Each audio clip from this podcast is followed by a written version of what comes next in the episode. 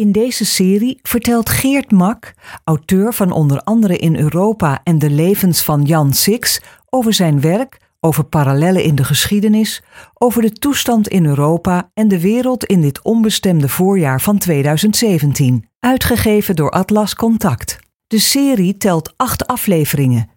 Dit is nummer 6. Wilders zal ook zelf nooit willen regeren. Zijn kracht ligt aan de marge, bij het brandstichten. Er is iets anders met Wilders aan de hand. En dat is natuurlijk de leemte waarin hij opereert. En eigenlijk, eigenlijk vind ik dat veel en veel belangwekkender dan het fenomeen waarover ik zo net had. Dat is namelijk de ruimte die de gevestigde politieke partijen laten aan zo'n figuur. En dat is wel zorgwekkend, dat steeds minder mensen zich daarin herkennen. Er zijn wel verhalen over de democratie functioneert zo slecht. Moet het allemaal gaan hervormen en veranderen? Eerlijk gezegd, nee. De Nederlandse democratie functioneert voortreffelijk zelfs. Opkomst is hoog, interesse is groot. Uh, alleen wat die democratie registreert is een grote onvrede. De wijzers slaan overal rood uit. Dat betekent dat de democratie prima iets registreert. Alleen, een heleboel mensen kunnen er niks mee. Vinden de boodschap niet leuk. Met name de gevestigde partijen. Dat is een reden voor gevestigde partijen om eens naar zichzelf te kijken. Maar ja, hoe vindt dat zelfonderzoek dan plaats? Door stiekem te loeren naar extreem rechts. Uh, wat kunnen wij daar nog aan onze standpunten veranderen? We moeten een beetje meebuigen, moeten een beetje meedraaien. Maar men kijkt niet echt naar zichzelf. Men kijkt niet bijvoorbeeld naar de enorme veranderingen die onder het regime van al die partijen. Want vergeet niet, doordat wij zoveel coalities hebben, is het voor de buitenstaander ook bijna niet zichtbaar wie wat doet en welke partij waarvoor verantwoordelijk is. Dus voor veel mensen is het allemaal één pot nat. Nou, onder dat één pot nat van de politiek hebben de afgelopen jaren ja, hebben op allerlei vlakken revoluties plaatsgevonden. Waardoor mensen soms niet eens zoveel slechter, economisch in economische opzicht nog niet zoveel slechter eraf zijn gekomen, maar wel waardoor hun levens oneindig veel onzekerder zijn geworden.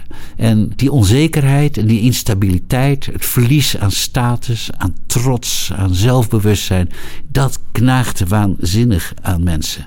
En daartegenover, ja, daar staat een politiek die bestaat uit mensen die totaal geen richting geven. En daar ook de moed niet voor hebben. Ik zeg dat met pijn in het hart. Er zijn er een aantal politici waarvan ik vind dat ze dat wel zijn. Je ziet het bijvoorbeeld de burgemeesters. Uh, toen de vluchtelingenstroom binnenkwam de afgelopen tijd. En met name ja, dat nogal wat asielcentra geopend moesten worden her en daar. Toen zag ik opeens hoe politici wel kunnen functioneren. Ik zag toen burgemeesters inderdaad de rug recht houden. Contact houden met de bevolking. Maken wat er te maken viel. Dat waren en zijn mijn helden. Maar op landelijk niveau, kijk eens naar het Oekraïne-referendum. Dat is toch om te janken. De, de discussies die daarbij plaatsvonden. Besef, dit was een adviserend referendum. En een adviserend referendum heeft uiteraard natuurlijk een veel lagere drempel om geaccepteerd te worden, omdat het alleen maar een advies is, dan een bindend referendum. Een bindend referendum moet je echt boven de 50, 60 procent gaan. Dat is in alle landen zo, omdat dat een enorme correctie is. Opeens maakten al die politici, van GroenLinks tot en met de VVD, van een adviserend referendum een bindend referendum. Staatsrechtelijk is dat totaal me schokken en politiek volstrekt onverantwoord. Maar het liet ook zien dat ze geen benul hadden van geopolitieke verhoudingen. Geen benul hadden waar dit referendum eigenlijk om ging. Dat heel Oekraïne naar, naar, naar dit verdrag keek. Dat, het, dat hier mensen voor honderden mensen zijn hiervoor doodgeknuppeld. In Nederland leek dat totaal niet door te dringen. Ook niet bij onze leidende politici. Inderdaad, alleen al de afwikkeling toonde een volstrekt onbenul voor de wereld waarin wij buiten dit beperkte Nederland leven. Wist u dat in de Oekraïne, hè, waar de pols over Europa ook nauwkeurig worden bijgevouwd. Hoe gunstig staat Europa ervoor bij de Oekraïners? Willen ze nog bij Europa? Dat die Pols een enorme duikeling maakte toen Nederland nee had gestemd bij het referendum. Dat het een enorm effect heeft gehad op de Oekraïense bevolking. Het zou ze worst zijn in Den Haag. Bovendien laat dit referendum ongenadig zien hoe scheiterig veel politici zijn. Dat ze het piezeltje moed niet hadden, wat staatsrechtelijk volkomen geoorloofd was om te zeggen: belangrijk advies, maar we leggen het toch naast ons neer, net zoals je een motie naast je neer kunt leggen. Uh, dat is doodnormaal in de politiek. Alleen er is iets voor nodig wat blijkbaar niet aanwezig is: burgermoed.